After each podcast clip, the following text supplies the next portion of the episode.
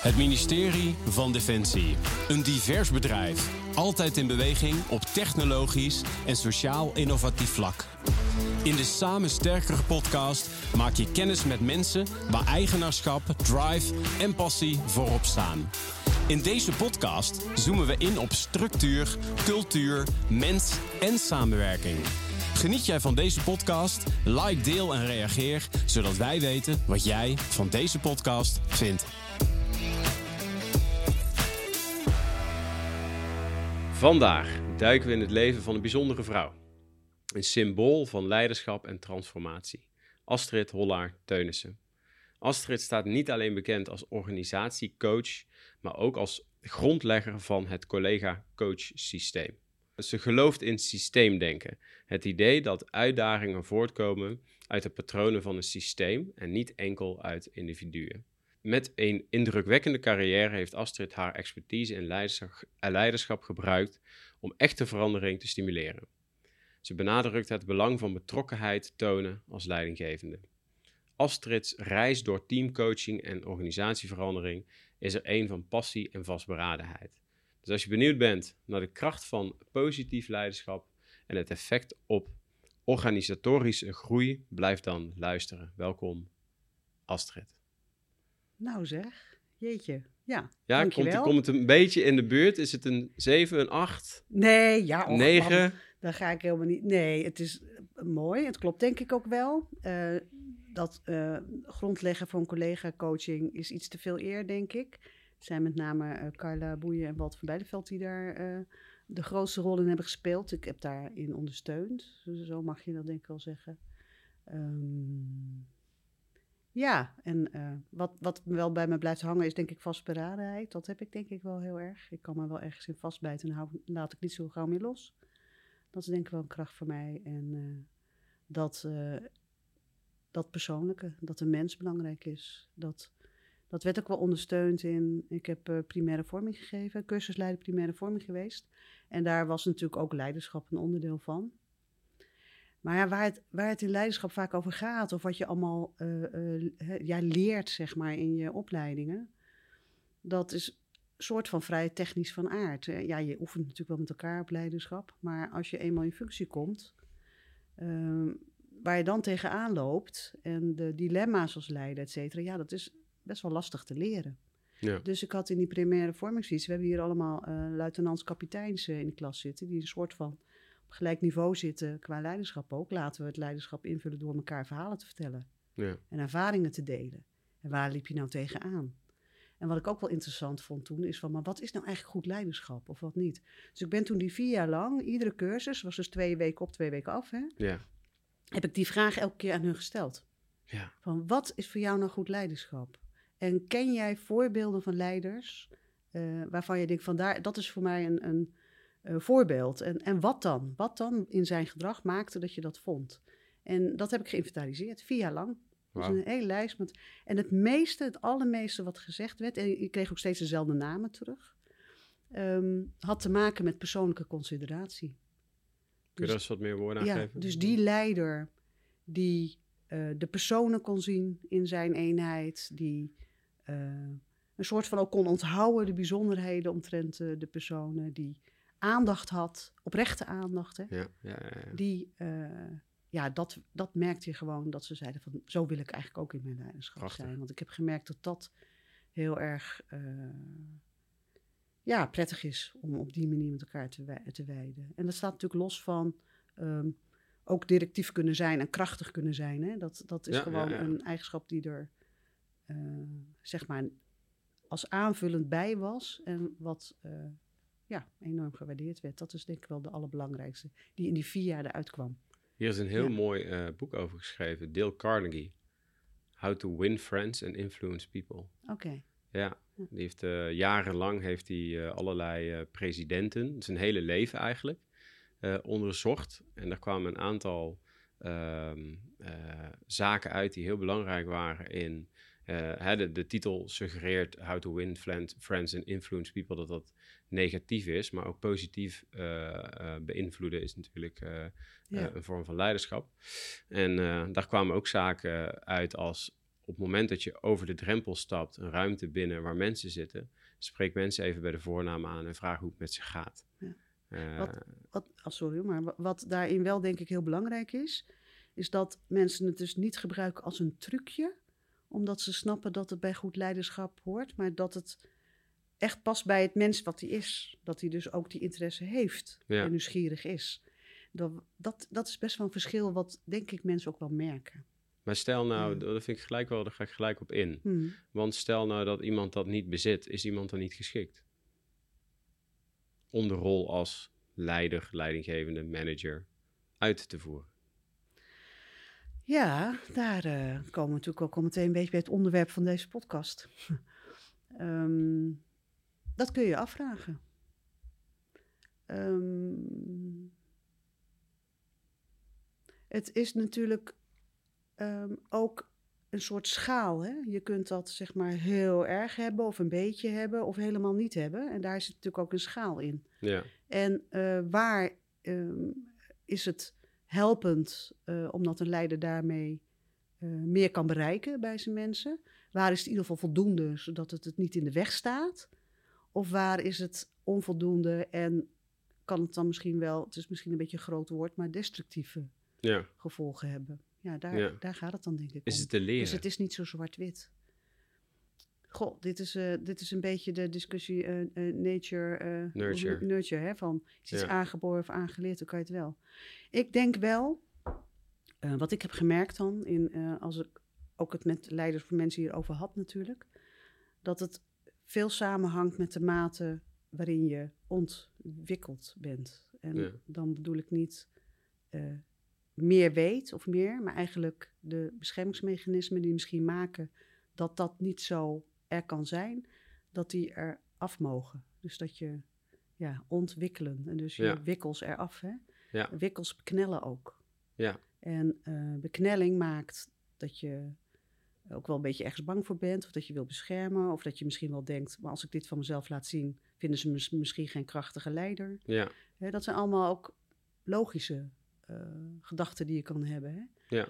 Maar de mate dus waarin dat lukt, dat je dus die beknellingen eh, af kan laten of niet meer nodig hebt en meer dus daarin ja, jezelf eigenlijk kan Ja. zijn, eh, daarin zit die potentie denk ik van dit wel of niet kunnen tonen. wauw.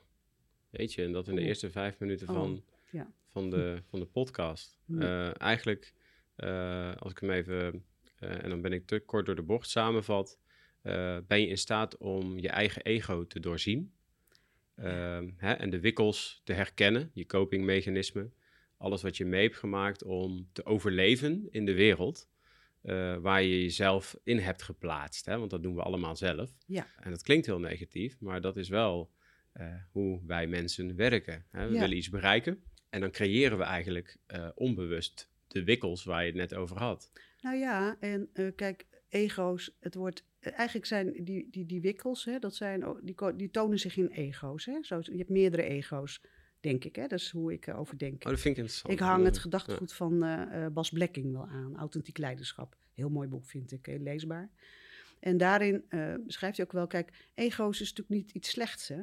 Een ego is ook een gedeelte ook van je ontwikkeling... In je, vanuit je authenticiteit die je inzet... om gewoon je positie te krijgen ergens. Zo is het. Dat is wat je nodig hebt. Zo is Dus het. inzetten daarvan is helemaal niet erg. Dat is ook wat je nodig hebt.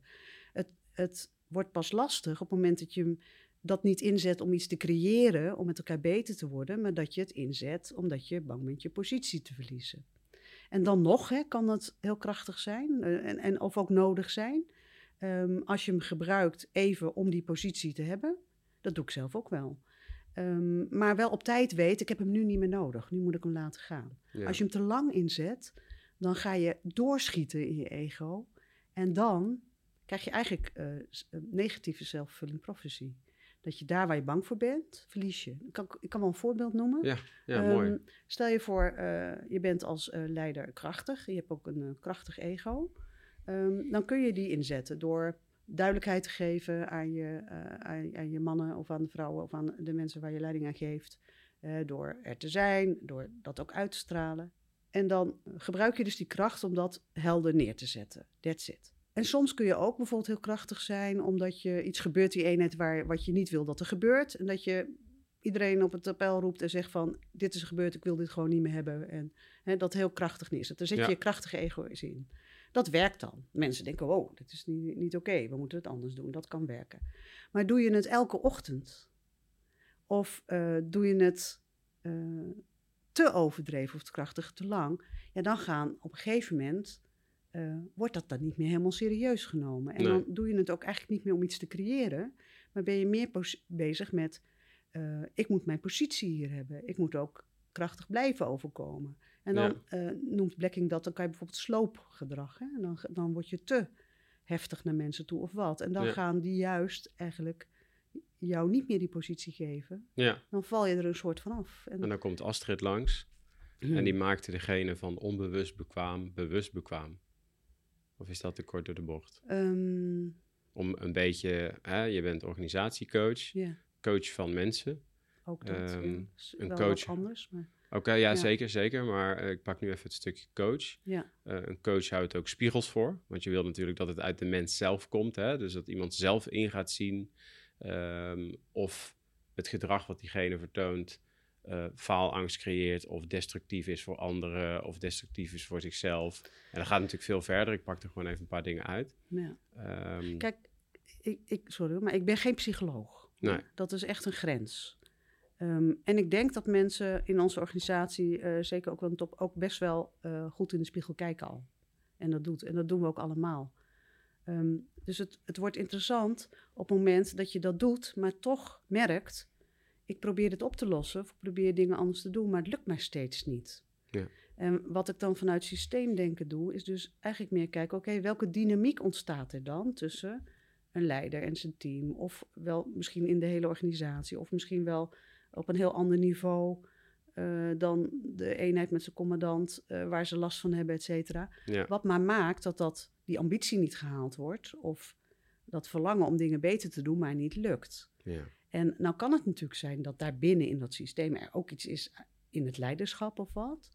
Ehm, en daar heb je het dan over met elkaar. En dan zou iemand daar misschien, eh, ja, op wat voor manier dan ook, eh, inzicht in kunnen verkrijgen, waar hij dan zelf voor kiest. Ja. M- Maar ja, het is, het is ook vaak niet alleen maar dat. Het, is, het zijn vaak eh, meerdere dingen. Het is dus circulair, en dat is ook wat systeemdenken doet. Je kijkt eigenlijk naar het geheel ja, en hoe alles invloed op elkaar hebt, Ja. heeft. En, eh, en waar je dan eh, het beste wat mee kan doen om daar verandering in te brengen. ja. Ja. Op al deze facetten wil ik uitgebreid ingaan. Maar ik wil eigenlijk eerst even stilstaan bij het feit eh, dat als we hier zes maanden later gezeten zouden hebben, dat ik een fles champagne erbij had gepakt. We hebben het er met elkaar al eventjes over gehad voordat we starten met deze podcast. Eh, is ehm, dat jij eh, over een half jaar, zeg ik dat goed? Ja, Eh, ongeveer. ongeveer. Ja. Dat jij met pensioen gaat. ja, met FLO. Met ja. FLO, hè? Ja. Met FLO noemen we dat. Ehm, en ik ben ook ja, eigenlijk wel een beetje, als ik heel eerlijk ben, vereerd. Het stukje coaching, bezig zijn met mensen. Dat is ook de reden waarom ik deze podcast maak. Om mensen inzicht te geven, tools te geven. op een manier waarmee je veel mensen bereikt. Maar dat doe ik het liefst in een eh, intieme setting zo samen met jou. Om de dialoog aan te gaan over bepaalde onderwerpen. En daarom ben ik ook wel vereerd om met iemand te zitten die ook eh, haar beroep hiervan heeft gemaakt. En ook nog eens 40 jaar ervaring heeft binnen de defensieorganisatie. Eh, en dat meen ik oprecht, dat vind ik echt heel erg leuk. Om jou iets beter te leren kennen, omdat het, het is een podcast, die, het is een reeks van zes. Ehm, Just Culture, wat is cultuur eigenlijk? Eh, en de relatie tussen gehardheid en sociale veiligheid. Ja. Eh, waar ligt die balans? Ehm, daar heb ik wat vragen over ehm, hoe jij daarnaar kijkt met Ja. 40 jaar ervaring. Maar ik heb eerst een paar stellingen, zodat we een klein beetje beter eh, weten hoe jij op bepaalde vlakken. Pak vooral inderdaad, dit is gewoon mijn huiskamer eigenlijk. Ik breng hier gemiddeld meer uren door dan. Ja, ik heb genoeg, dankjewel. gemiddeld meer uren door dan thuis in deze studio, denk ik. Ehm, Komt-ie, stelling 1. Onze mensen hebben soms best goede ideeën. Er moet meer ruimte komen om samen te beslissen. Er zijn ontzettend veel goede ideeën in de organisatie. En met name daar bij de mensen die ook last hebben van de situatie, dus in de uitvoering. Het lastige is alleen dat uh, in onze organisatie door de lagen heen er soms obstructies zijn, door wat voor reden dan ook, waardoor die ideeën niet goed door kunnen komen. Um, ik denk wel dat als je dingen wil oplossen of wil veranderen, dat je goed moet luisteren naar degene die er last van hebben, want die weten zelf wel vaak wat ze nodig hebben om het anders te laten zien. Daar ervaring en realisme naast zetten en dan eigenlijk samen op. Oké, mooi. Mooi. We gaan er allemaal nog op komen, denk ik. Stelling 2. Een goede leider is directief en dwingt respect af. Ja. Um, respect afdwingen. Een goede leider uh, kan ook directief zijn als het nodig is. En het, is, en, uh, en het maakt het voor een goede leider echt makkelijker als hij respect heeft. Uh, dat, dat is denk ik waar, allebei.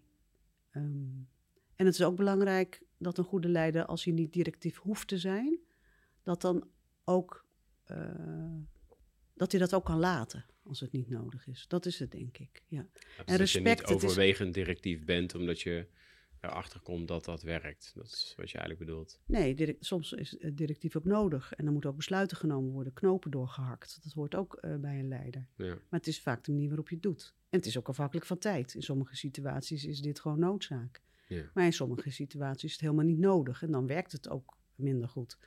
Dus dat is denk ik wat een leider heeft te doen. Goed te weten uh, in welke situatie je wat nodig hebt. Ja. En wat kan uh, toepassen. En respect, respect is ook zo'n woord van wat is dat nou eigenlijk? Hè? En voor mij is respect heel erg, betekent het van het naar elkaar omkijken. Mooi.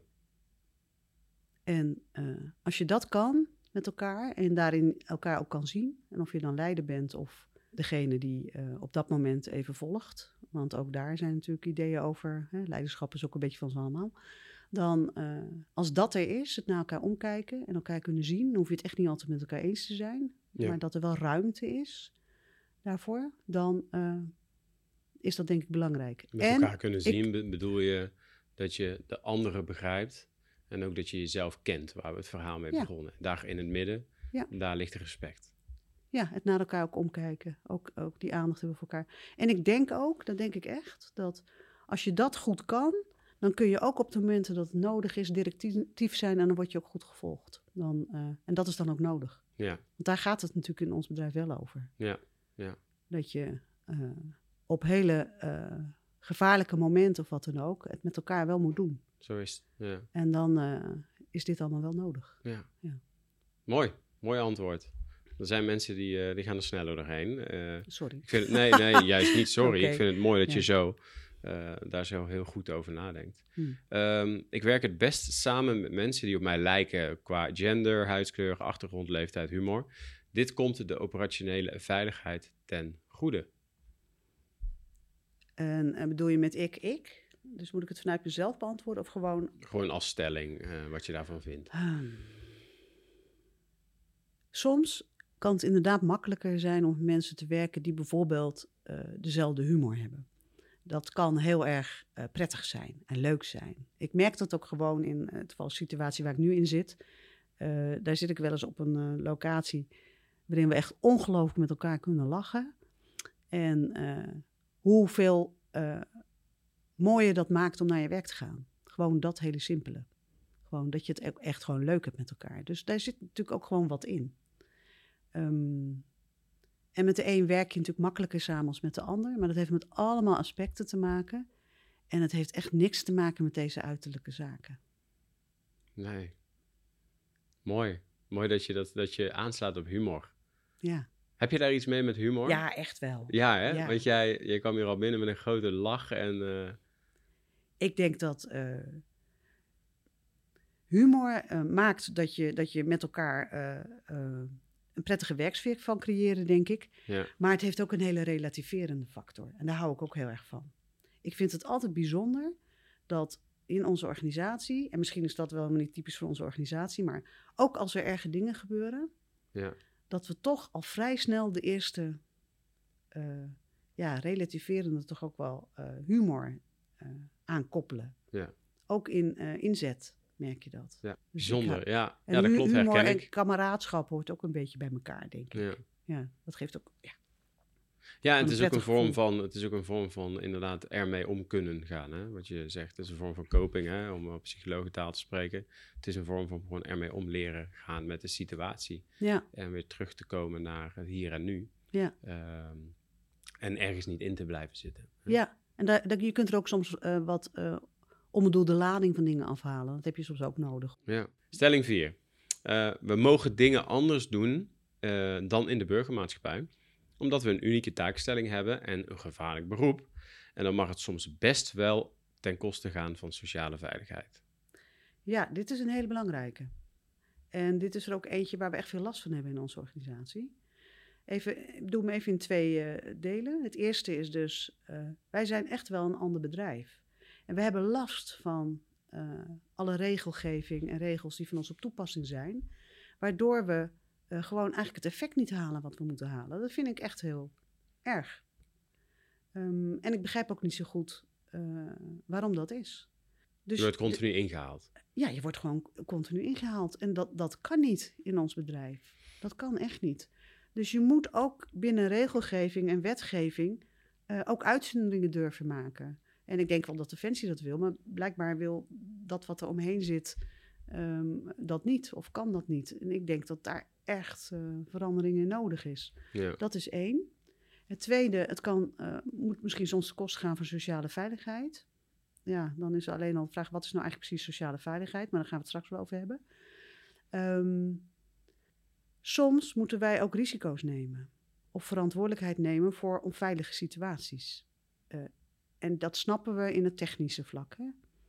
Ehm, en we zijn nu de laatste, dat is ook wel een patroon. We zijn nu meer bezig met elkaar met schuld voorkomen. In plaats van verantwoordelijkheid nemen.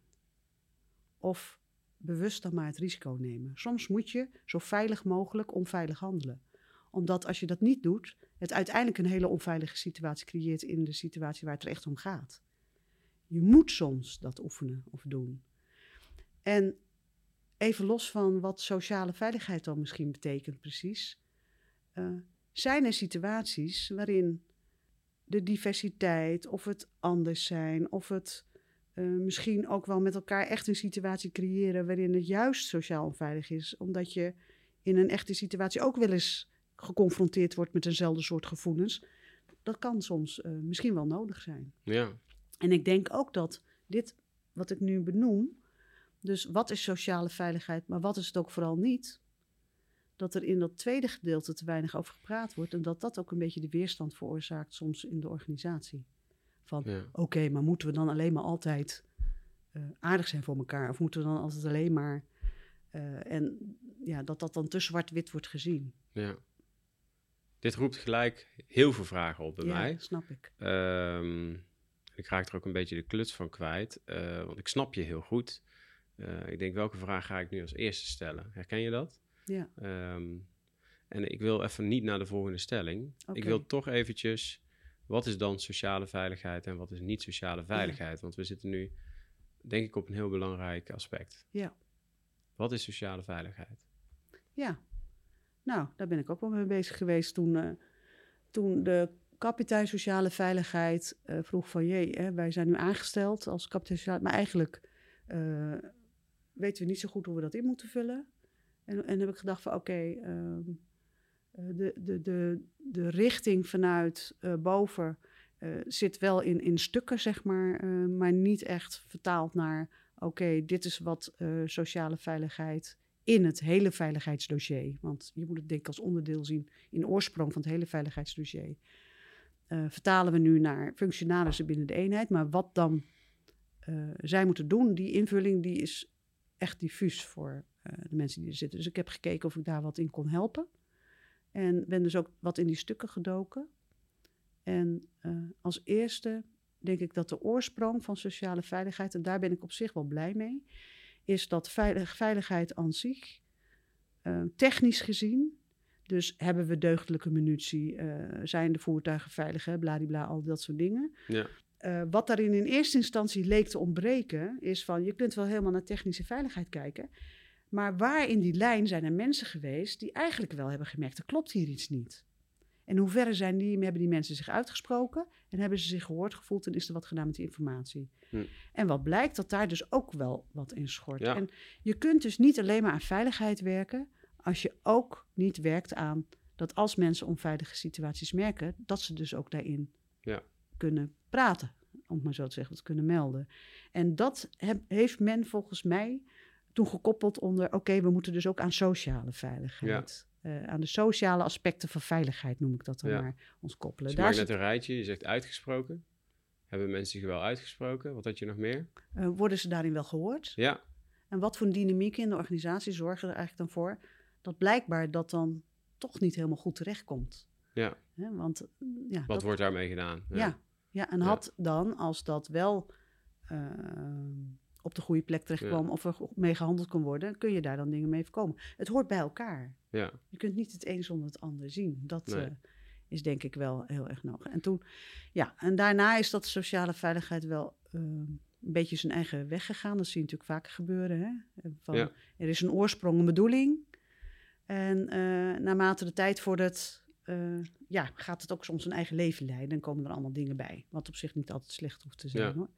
Maar met betrekking tot deze term is denk ik heel belangrijk. Wat is nou eigenlijk eenheid van opvatting erover? Dus hebben wij nou eigenlijk wel met z'n allen helder beeld bij wat sociale veiligheid is en wat het vooral ook niet is? Ja. En eh, wat is de bedoeling?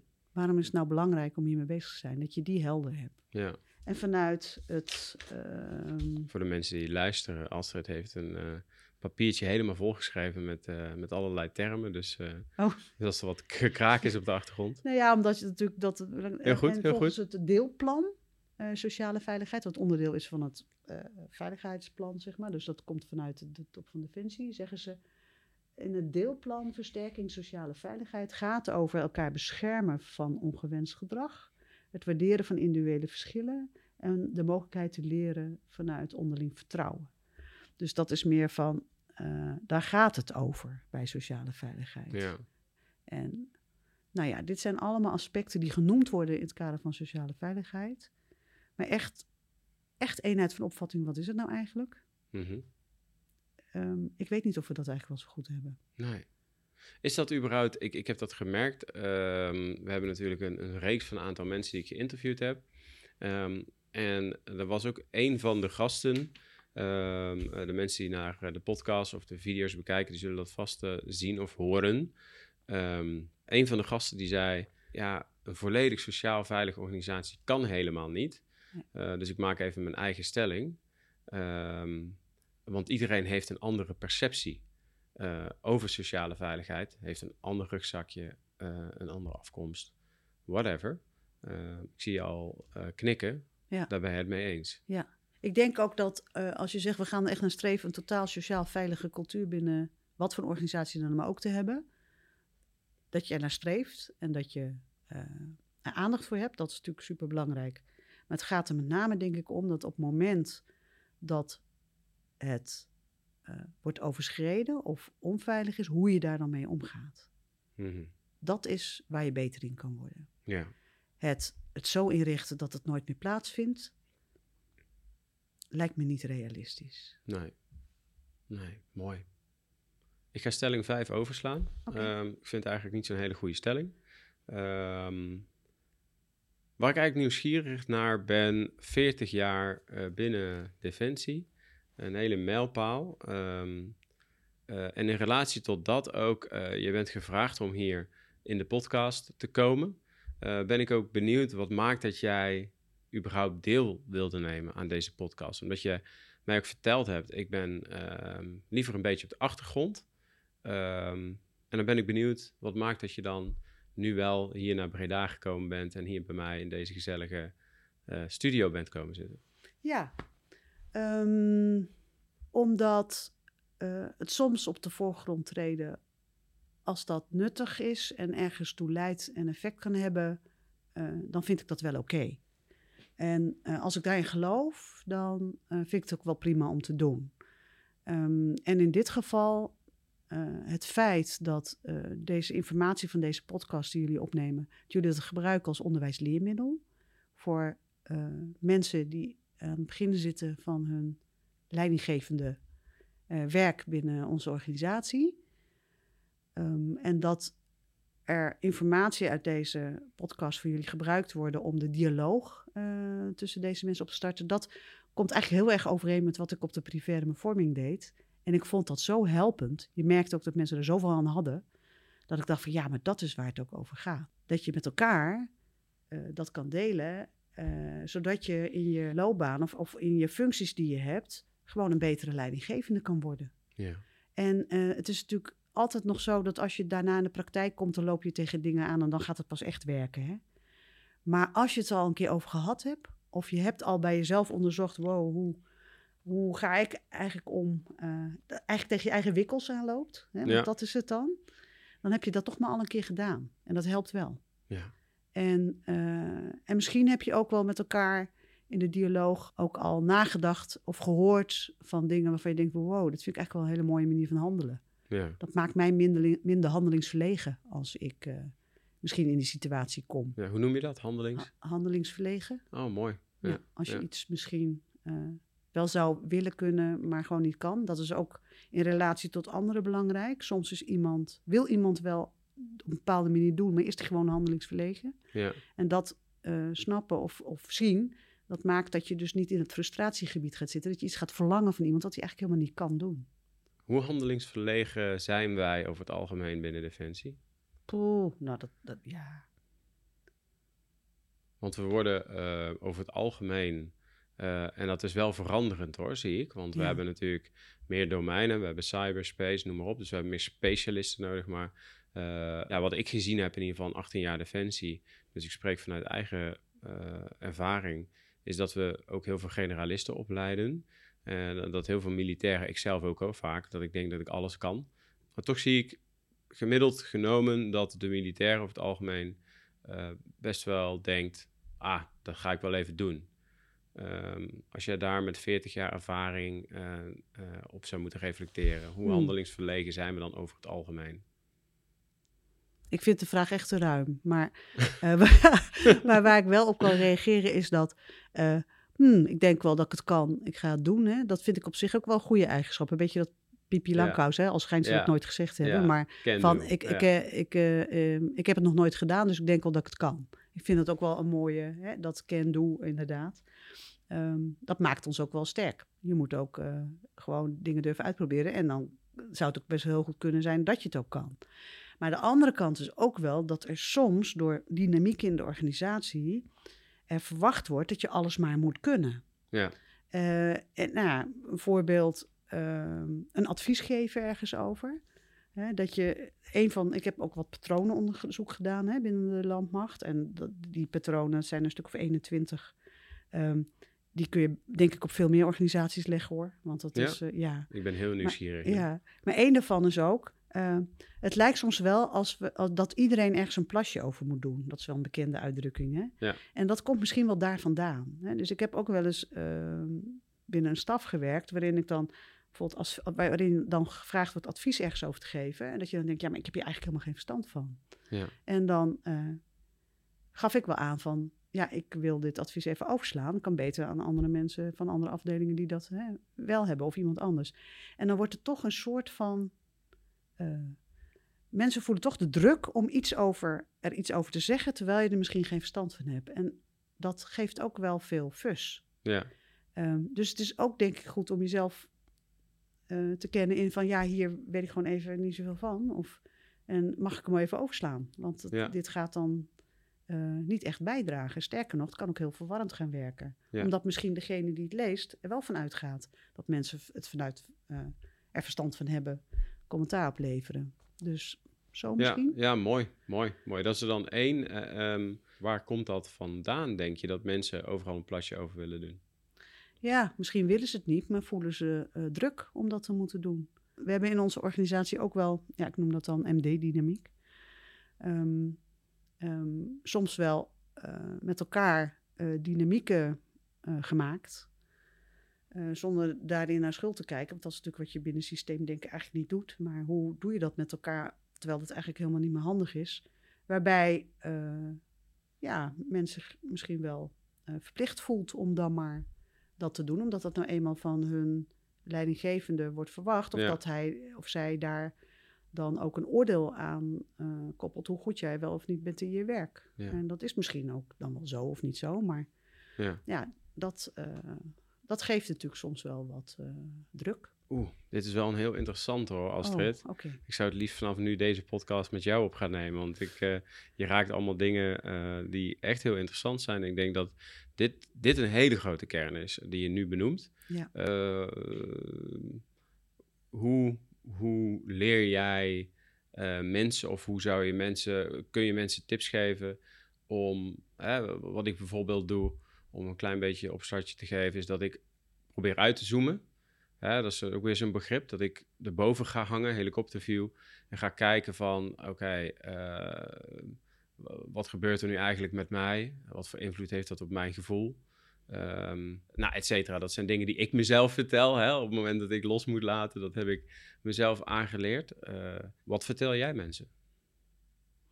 Ja, ik vertel eigenlijk mensen niks, laat ik het zo zeggen. Of wat vraag je mensen?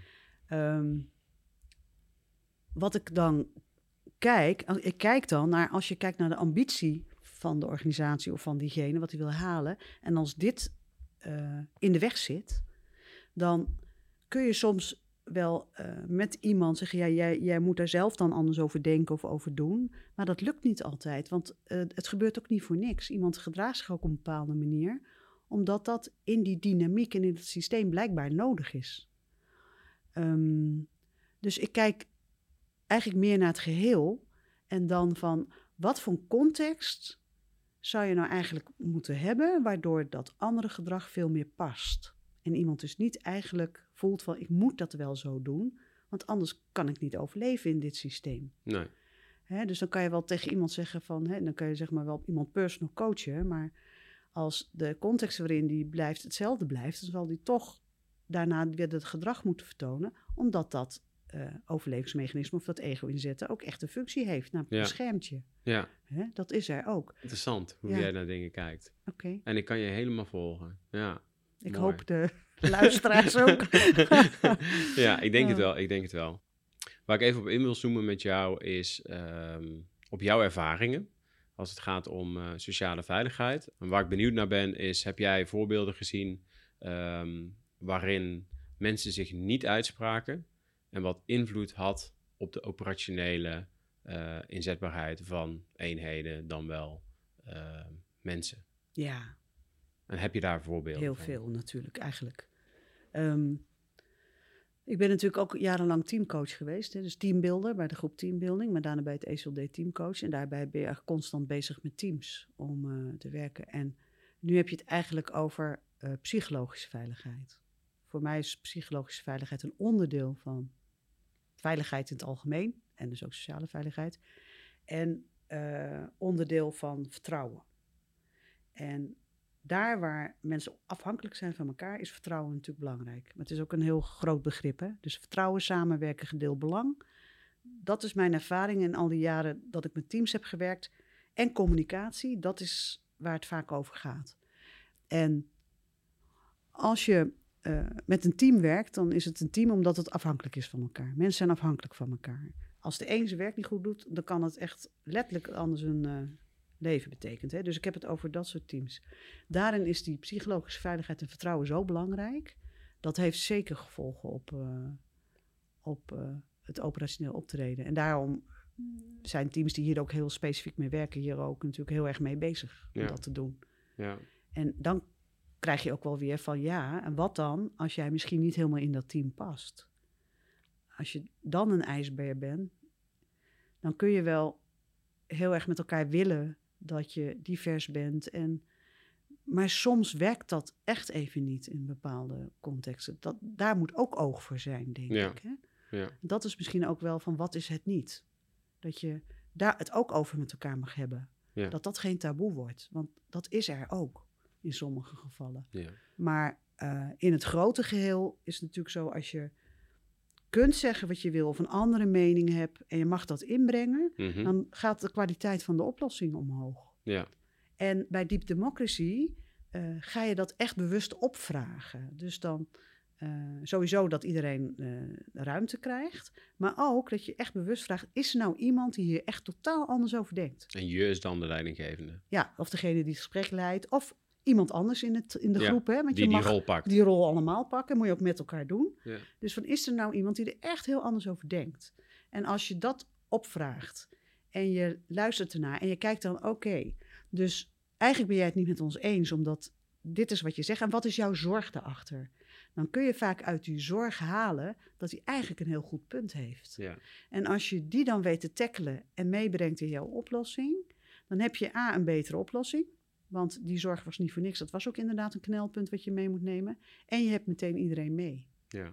Welke tips zou jij hebben eh, vanuit eh, jouw ervaring voor eh, jonge leidinggevende kadetten? Worden al vrij vroeg, worden ze vrij jong, worden ze op een team gezet. Bij de landmacht als luitenant sta je ineens voor een peloton van eh, 38 man. Daar is nogal wat. En je bemerkt inderdaad van, hey, die is een beetje stil. Je merkt dat er een beetje frictie in het team is. Ehm, eh, dat het gewoon niet loopt. Dat het team geen team is. Als je dat ziet, en je ziet dat er echt structureel pestgedrag plaatsvindt. Dat het sociaal onveilig is. En je bent 2, 23 jaar en je staat voor een peloton. Wat heb je dan te doen? Waar sta je dan aan? Ja, dat is makkelijker gezegd dan gedaan. Leiderschap is niet altijd makkelijk.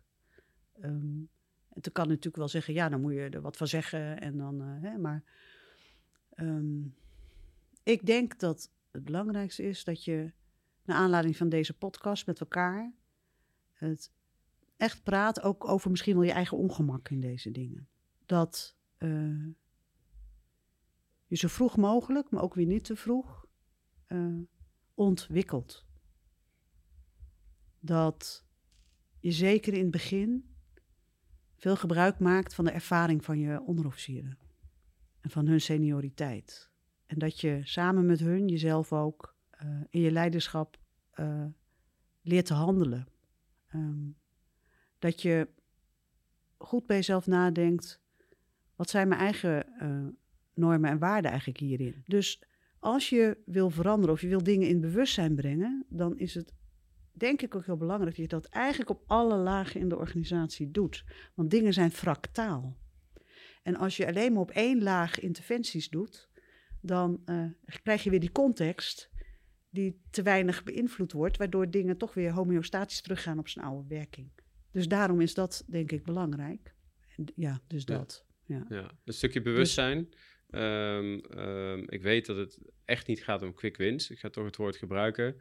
Eh, want we zijn een snelle organisatie. De context verandert snel. Ja. Ehm, als mensen luisteren naar eh, jouw tips en je wil eh, bewuster zijn over je eigen eh, handelen, je eigen wikkels, eh, welke tips naast want jij gaat natuurlijk over een half jaar met even lopen, dus bij jou kunnen ze niet meer aankloppen. Dus welke tips zou je ze mee willen geven? Wat hebben wij in de organisatie om meer zicht, om meer bewust te worden? Ja. Kijk, op het moment dat je merkt dat je dat wat wil je halen, dat het je niet meer lukt om dat te halen. En dat je eh, in jezelf veel weerstand voelt. Of dat je elke keer tegen dezelfde dingen aanloopt. Dus als je zeg maar patronen ontdekt. Ja, dan kan je wel een beetje nagaan. Er is denk ik iets in mij wat dat elke keer veroorzaakt. En als je daar last van hebt. En het ook eh, de effectiviteit van je werk beïnvloedt. En dat je dat niet wil. Ja, dat is waarschijnlijk het moment dat je eraan toe bent om daar dan wat mee te doen. Ja, En eh, dat is hoe het denk ik werkt. Ehm, ik geloof niet dat je dat zo kan forceren. Eh, de omgeving forceert het vanzelf wel. ja, Eh, dat, zo werkt het, het systeem denk ik ook van, je krijgt signalen. Hè? Ook als commandant, als organisatie krijg je signalen als dingen niet goed lopen. En dan is de vraag, wat doe je met die signalen? Kijk, je, hoeft niet al, je kunt niet op alle signalen reageren. Maar als iets terugkomt als patroon op meerdere lagen in de organisatie... of als meerdere aspecten in jouw leven... ja, dan eh, kan je wel nagaan, oké, als ik hier niets aan doe... dan zullen die signalen alleen maar steeds sterker worden ja, en steeds heftiger worden. En dat noemen we dan ook wel escalatie. Totdat het op een dusdanige manier escaleert dat je er wel wat aan moet doen. ja. Dus, eh, Maar moet het altijd zo ver komen? nou ja, dus hoe slimmer je wordt in het herkennen van die signalen als patronen. En dat je denkt van, hmm, blijkbaar wordt mij nu iets gezegd hè, door mijn omgeving, door de mensen waar, waar ik dus iets mee moet doen. En je zou dan uh, daar zelf over gaan nadenken, jezelf spiegelen, want dat kunnen heel veel mensen ook best wel goed. Uh, kun je daar natuurlijk ook altijd hulp voor vragen. Ja. Zijn we daar Dat- goed in? Waarin? Hulp vragen? Nou, vind ik wel. Ja? Ik heb die ervaring van wel. Mooi. Ja. Ja. Ik denk wel dat er. Alle generaties? Ja, zeker. Als je kijkt naar, ik weet niet hoeveel mensen ik nu allemaal niet gecoacht heb, want dat is natuurlijk altijd een neventaak geweest. Ik, denk, ik, ik doe dat natuurlijk ook al 25 jaar. Ik heb eigenlijk 25 jaar al, zeg maar, altijd drie tot vijf coachtrajecten.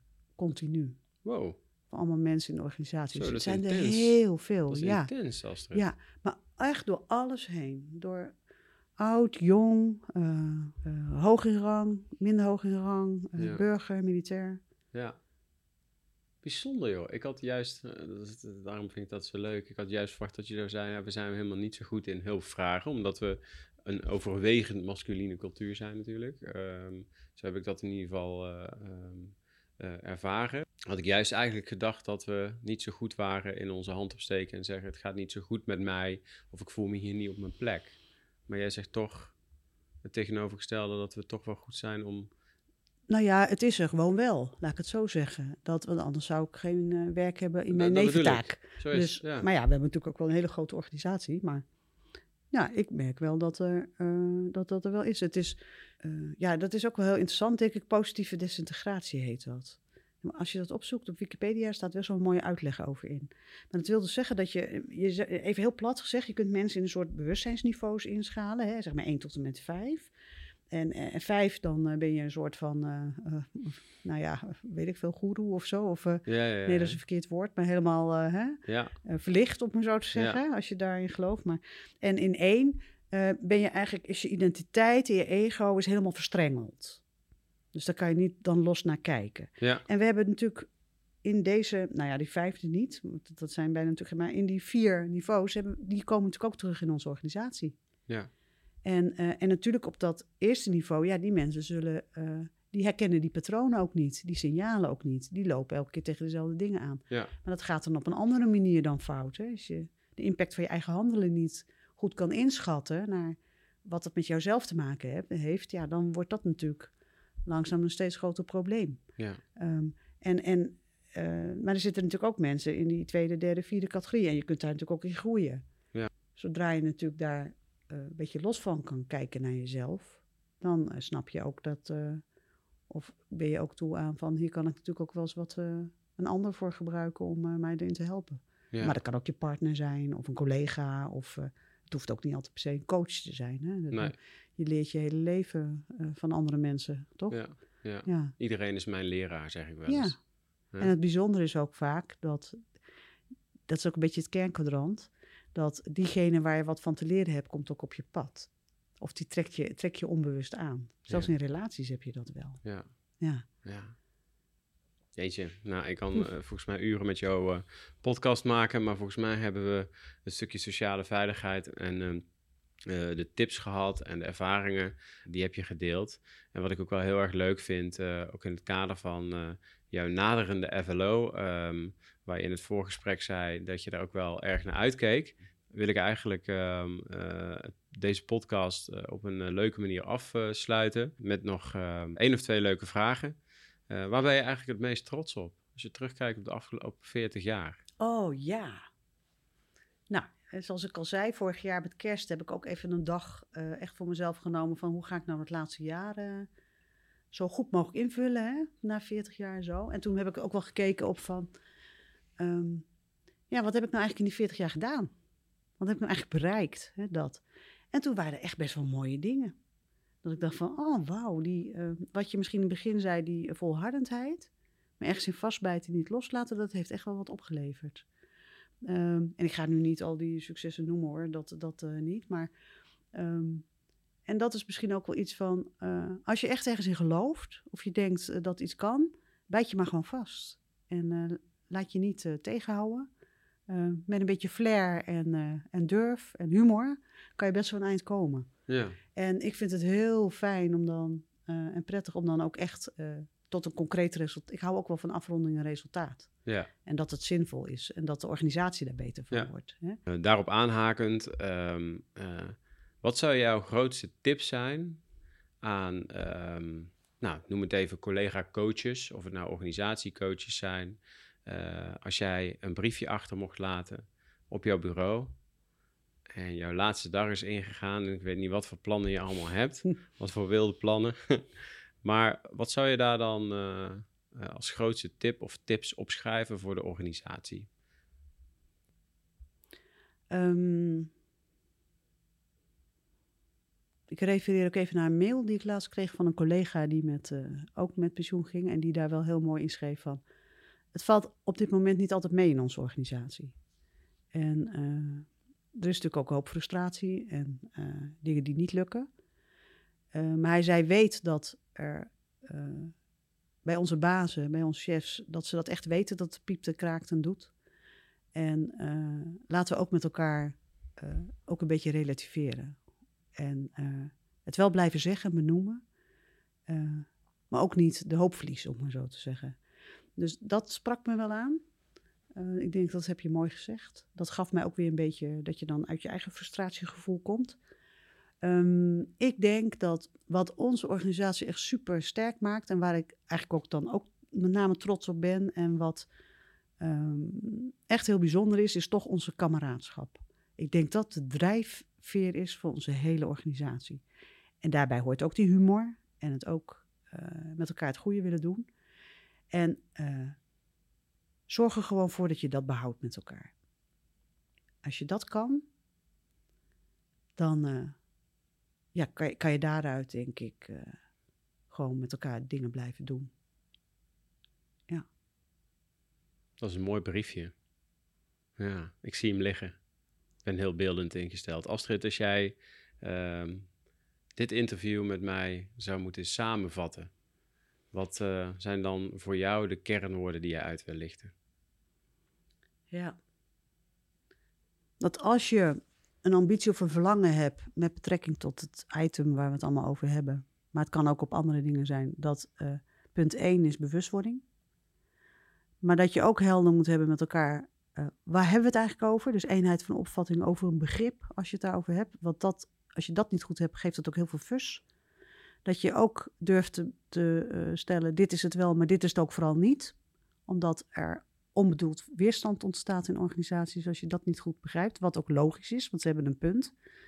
Ehm, dat je de bedoeling helder hebt. Waarom is het voor ons nou zo ontzettend belangrijk om het hierover te hebben? Want hoe eh, verhoudt zich dat dan tot gewoon de taak van onze organisatie? Zo, hè? Dus hoe, eh, hoe versterkt dit gevechtskracht? Zo zou je het eigenlijk kunnen zeggen. En waar zit het dat in de weg? Want dan krijg je noodzaak en urgentie. Dat gaat helpen. En ehm, het er dan met elkaar over hebben. Maar ook vertalen naar concrete acties. En niet alleen bottom-up, niet alleen top-down, maar gewoon tegelijk op alle niveaus met elkaar. Waarbij ik ook heel erg besef dat er ontzettend veel belangrijke dingen op dit moment spelen. En dat dit, ondanks dat het natuurlijk belangrijk is, het ook maar weer zo'n onderdeel is van het geheel waar mensen zich mee moeten bezighouden. Dus eh, die eh, realisatie moet je natuurlijk ook gewoon hebben. Ja, zoiets? Ik vind het een hele knappe samenvatting. Oké. Dankjewel. Ik heb genoten van je. Nou, dankjewel voor de, de tijd. En ik hoop dat er genoeg eh, quotes, momenten of verhalen in zitten die gaan helpen met de dialoog voor u met de mensen. Nee, je hebt in ieder geval mij geïnspireerd, want er zaten voor mij hele mooie quotes die ik sowieso niet meer ga vergeten in. Dus dankjewel. Oké.